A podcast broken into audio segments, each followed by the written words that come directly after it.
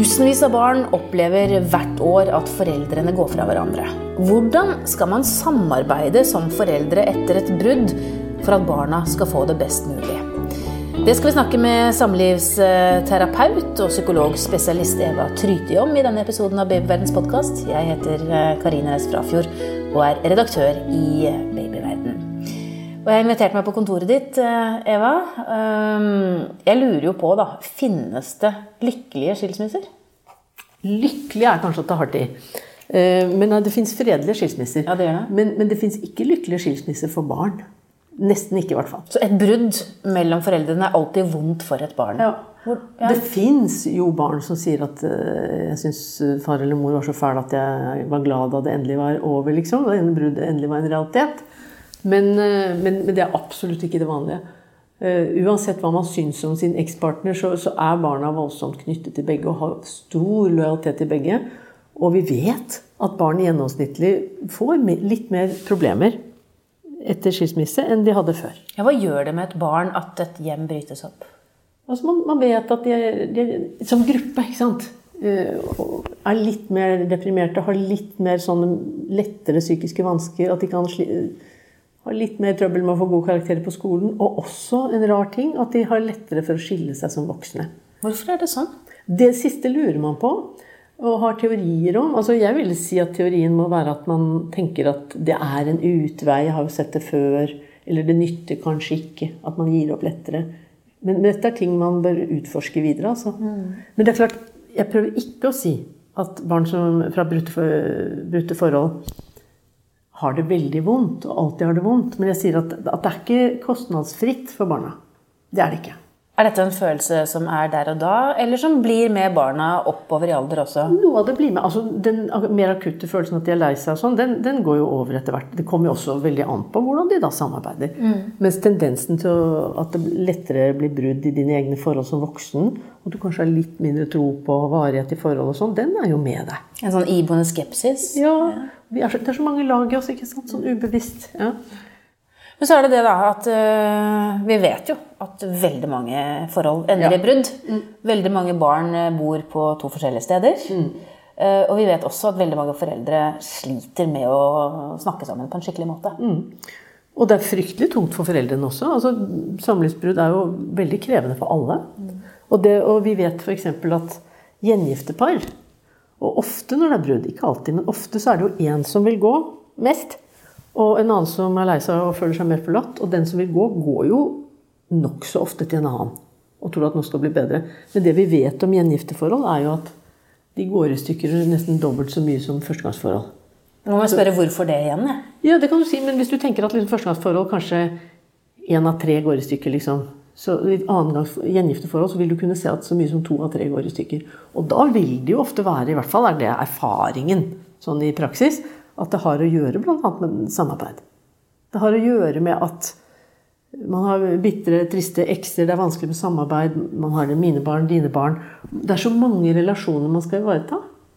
Og det blir komplisert for nesten alle parter. ikke sant? Og to sett med regler når begge har barna til stede. og Alt dette her er mye tøffere enn folk kanskje tenker seg. Og, og alle, alle forhold skal lande i hverdagen. Altså Uansett hvor forelsket du har vært. Det er en biokjemi som varer et lite halvår eller et år. Og så går det over, og så må vi møte hverdagen. Det vet vi jo egentlig når vi er voksne. Men når man står her da, etter et brudd med et barn eller flere barn, med en partner som man ikke klarer å kommunisere med, mm. og man ser at det er barn i midten som ikke har det så godt, mm. hva gjør man?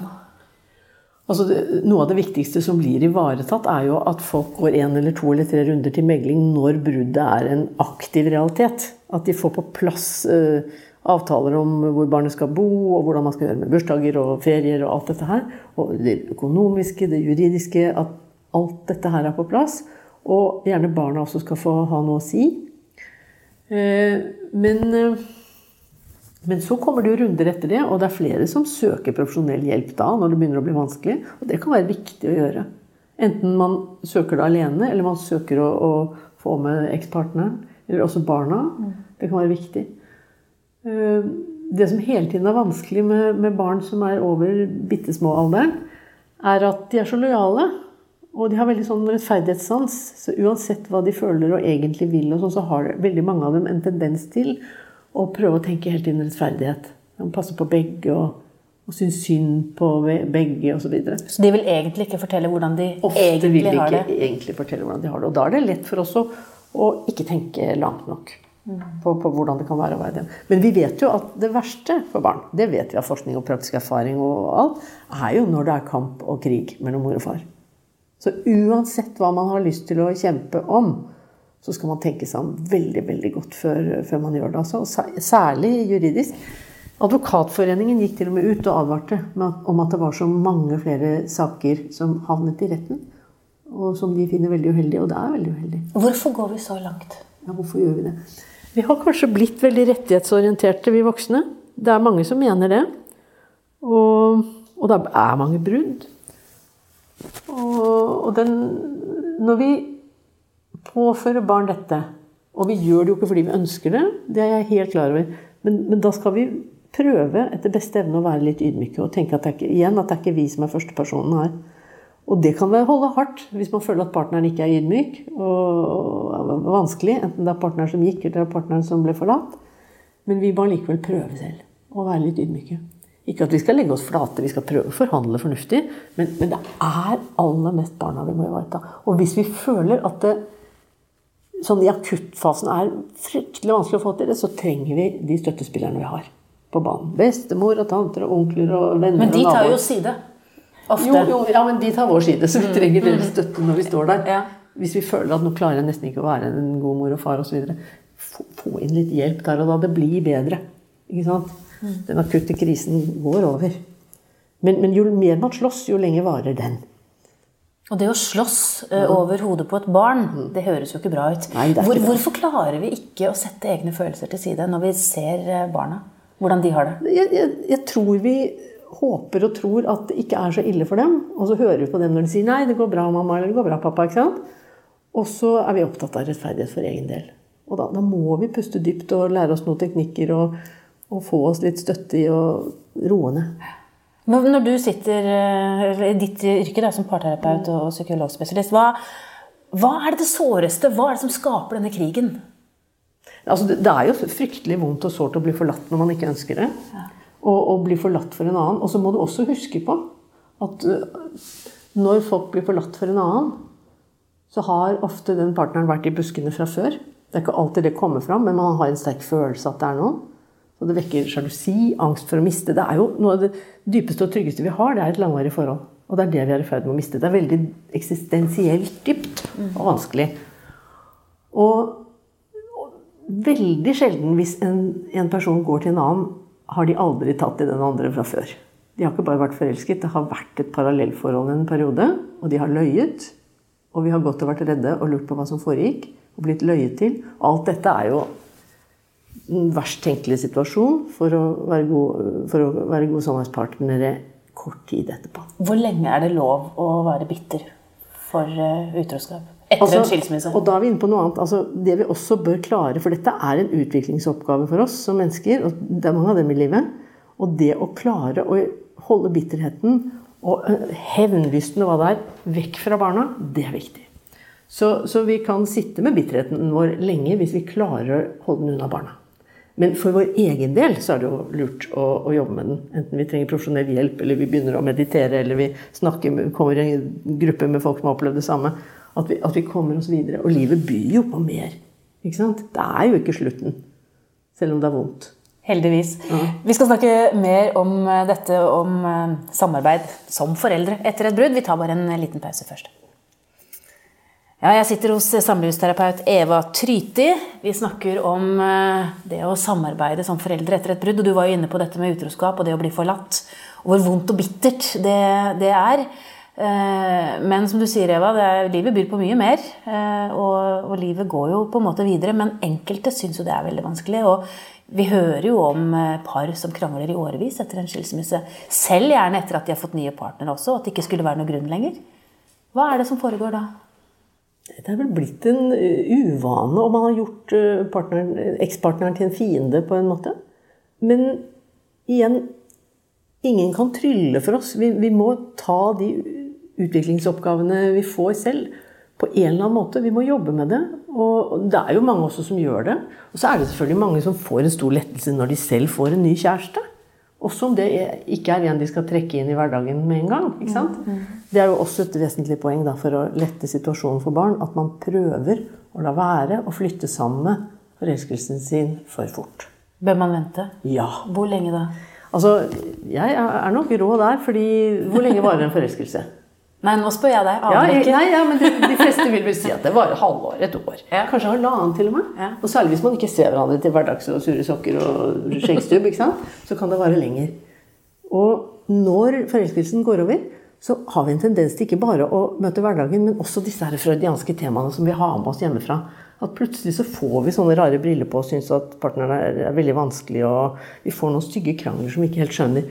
Og vi må liksom forbi det der. Og du har sikkert sett det når folk ikke har barn. Så er det ofte sånn at forhold går i stykker etter halvannet til to år. Mm. Og så slikker man sår, og så er det en ny. Eh, og det har å gjøre med disse psykologiske mekanismene. Så man skal gjennom forelskelsen, og helst gjennom de der skjæra der, og inn i smulere farvann. Og da begynner vi å snakke nesten to år for veldig mange. Da vet man om dette varer. Og jeg har akkurat snakket med en journalist som har lagd en pod om sitt eget liv, hvor mor og far skilte seg to-tre ganger hver. Og alle de voksne personene hun da skulle forsøke å forholde seg til, og alle de ekstra besteforeldrene osv. Det er ikke lurt. Og, og, samtidig i våre dager hvor man har 50-50-deling eller 60-40-deling Man har god tid til å pleie den forelskelsen når man ikke har barna. Men man trenger ikke å flytte sammen med en gang? Man trenger ikke å flytte sammen med en gang. Og det vil også lette presset mye. For barna særlig. Og så tenker jeg litt på dette med det å være ærlig overfor barna. Vi vet jo at veldig mange skilte foreldre som sliter med å like hverandre, rett og slett, allikevel feirer jul sammen, allikevel feirer bursdag sammen. Mm. Fordi de mener at det er det beste for barnet, men så blir det kanskje en litt rar stemning, da. Mm. Allikevel, som barna kanskje senser. Bør vi eh, gå så langt for barna, eller er det greiere å si at vet du hva, jeg har ikke lyst til å feire jul med pappa? Min erfaring er at det er mange som sier 'jeg har ikke lyst'. Og, og særlig når det er en ny partner inne i bildet. og sånn, Eller at de prøver kanskje den første jula, første bursdagen, for, for å få en litt mykere overgang for barna, og så, og så, begynner de å feire hver for seg. Og barna setter jo pris på det hvis man får det til på en fredsommelig måte. Men hvis de senser at dette er veldig ubehagelig, eller for ikke å snakke om hvis det blir krangel eller vanskelig, mm. så, så er det jo ikke noe vits. Og så er det vel også over tid så er det også et spørsmål om å vise realisme. Vi bor faktisk ikke sammen lenger. Og, Men de er fortsatt foreldre til det samme barnet? Ja. Eh, men veldig mange, det, det, vanligste jeg ser, i hvert fall, er at de deler, etter hvert i hvert fall, deler opp. Sånn at eh, jula går på omgang. Så de har en sånn ekstra julaften 22., og, og de som ikke har julehelg, har gjerne nyttårshelg. Og, og bursdagen deler de på en eller annen finurlig måte, hvor én har morgenen og gavene da, den andre har middagen. Og... Men hva gjør det med barn å måtte feire to av alt? Noen eh, er jo litt sånn kjekke og sier at jeg får ekstra mye gaver og kos. og, og sånn, og, det kan jo være reelt. Og de har, hvis de har, etter hvert har noe sånn særlig besteforeldre og noe, De kan få mye oppmerksomhet og mye gaver og mye alt mulig. Så, så det som når, når krisetiden og, og bruddperioden er over, og foreldrene har det bra igjen, så er jo det ungdom og, og store barn klager mest over at, at de syns det kan være tøft å flytte fram og tilbake rent praktisk. Og at de ikke helt føler hvor, hvor de har hovedhjemmet sitt, og hvor de har røtter, og, og at de er litt misfornøyd med praktiske ting. Men det er når dette andre har lagt seg. Men små barn, da, eh, med, med skilte foreldre, skal de bo 50-50 f.eks.? Det der er jo en svær faglig debatt. Mm. Og, og, der eh, tror jeg det er veldig, veldig vanskelig å gi noen entydige råd. Der ville jeg søkt faglig hjelp på familiekontor og helsesøster og forskjellige folk som, som kan barn, og som, hvor du kan snakke mer spesifikt om ditt barn eller dine barn. Man vil jo ofte ha kortere perioder fra hver forelder når man har små barn. ikke sant? Og så, er det spørsmål om hvor tidlig skal barnet sove borte fra mor, f.eks. Og hvis det er amming altså det, De aller tidligste bruddene, mm. der bør man fingå litt med, med, fagfolk hva som er lurt å gjøre. Man kan få ulike råd der òg, fordi dette er veldig vanskelig. ikke sant? Men, eh, men det, det, er virkelig ikke noe fasitsvar på. Det er mye lettere når, når barna er kanskje skolealder. Og, altså jo større barnet er, jo flinkere er jo barnet til å skjønne at du eksisterer selv om du ikke er til stede. ikke sant? Så det har noe med det å gjøre barnets modning. Men hvor viktig er det å svelge egne kameler da, for at barna skal ha det bra? Og det er viktig. Men hvis man skal svelge mange kameler, så kan man jo prøve å gjøre noe hyggelig for seg selv ved siden av. ikke sant? Stelle litt godt for seg alt etter hvem du er. Enten det er å begynne å flørte og gå på byen, eller ta opp en hobby, eller begynne å omgås folk som, som gir deg selvtilliten tilbake, eller gå litt i terapi, eller hva du nå holder på med som, du, som, som styrker deg. Ikke sant? Men denne eh, Jeg jeg har ikke lyst til å gi slipp på den der, eh, bitterheten, den dype bitterheten. Hvorfor er det så vanskelig etter mange år å gå videre? Det, det rokker jo det er mange svar på det, men det rokker jo ved de dypeste følelsene våre. Vi, parterapeutene har begynt å snakke mer og mer om tilknytningsteori når det gjelder parforholdet de senere årene. At de, den tilknytningen vi har i et langvarig forhold som vi venter skal vare hele livet, eller i lang, lang tid, det er på én måte like dypt som den tilknytningen små barn har til foreldrene. Og vi får trigget følelser og, og kanskje gamle sår fra vår egen tidligste barndom. Og da sier det seg selv at det er dype, sterke følelser vi snakker om, og mange vi ikke har ord på. Så, så man kan absolutt ha behov for både terapi og meditasjon, og, og kanskje lesing også. For å komme videre og forstå litt mer av det som skjer. Vanskeligere enn vi egentlig tror, dette her. Ja, det er det. Det er dype forhold. Men er det, er det håp, da? Selv for de som slåss og kriger eh, mest etter et brudd? Ja da, det er håp, og de aller fleste kommer videre og, og får det riktig fint. Og så er det kanskje en liten gruppe på 10% eller sånn som blir stående i sånn frossen sorg eller bitterhet. Men, men de vil ofte ha en del problematikk fra før. De trenger egentlig terapi. Så hvis de er klar for det, så er jo det et punkt hvor, man kan ha motivasjonen da, til å gå og jobbe med seg selv. Enten det er barndomserfaringer eller andre vonde ting, og eh, angst og symptomer man har, som, som også kobler seg inn her. Så jeg har lyst til å gå tilbake sånn helt til slutt, eh, det du sa om barn. eh, At barn av, av skilte foreldre kan slite litt med angst og problemer opp gjennom Altså, årene. altså litt mer enn Og dette er en sånn gruppe. ikke sant? Men da tenker jeg, hva kan foreldrene gjøre da for å gjøre det lettere for dem? Først og fremst ikke, ikke slåss. Altså jobbe med de tingene vi har snakket om nå. Og, og kanskje også ha realistisk syn på hvor mye klarer vi å være sammen osv. Hvis man virkelig har det veldig vondt, så, så er det bedre at man liksom slipper barna i porten og sender dem inn og, og samarbeider skriftlig hvis man virkelig ikke klarer å gjøre det muntlig en periode. Sånn. altså ha realistisk bilde fra periode til periode om hva dere kan få til. Men foreldre kan lindre barnas sorg. Absolutt. Og, og det å gå videre i hverdagen med barna på en ordentlig måte vil jo etter hvert også lindre vår sorg. Altså Hverdagen er jo god med barn også om man er alene som voksen. Ikke sant? Veldig godt, godt å høre. Takk skal du ha for gode råd, Eva Tryti, samlivsterapeut og psykologspesialist. Hvis du lurer på mer om dette temaet, finner du mange artikler på babyverden.no og diskusjoner med andre i Babyverdens forum. Hvis du ikke allerede har lastet ned appen vår, Gravid og barn, så anbefaler jeg deg å gjøre det med en gang, så kan du følge utviklingen til barnet ditt dag for dag og uke for uke. Siden du er opptatt av graviditet og barn, kan det også være lurt å abonnere på Babyverdens podkast, så får du nye episoder automatisk hver uke.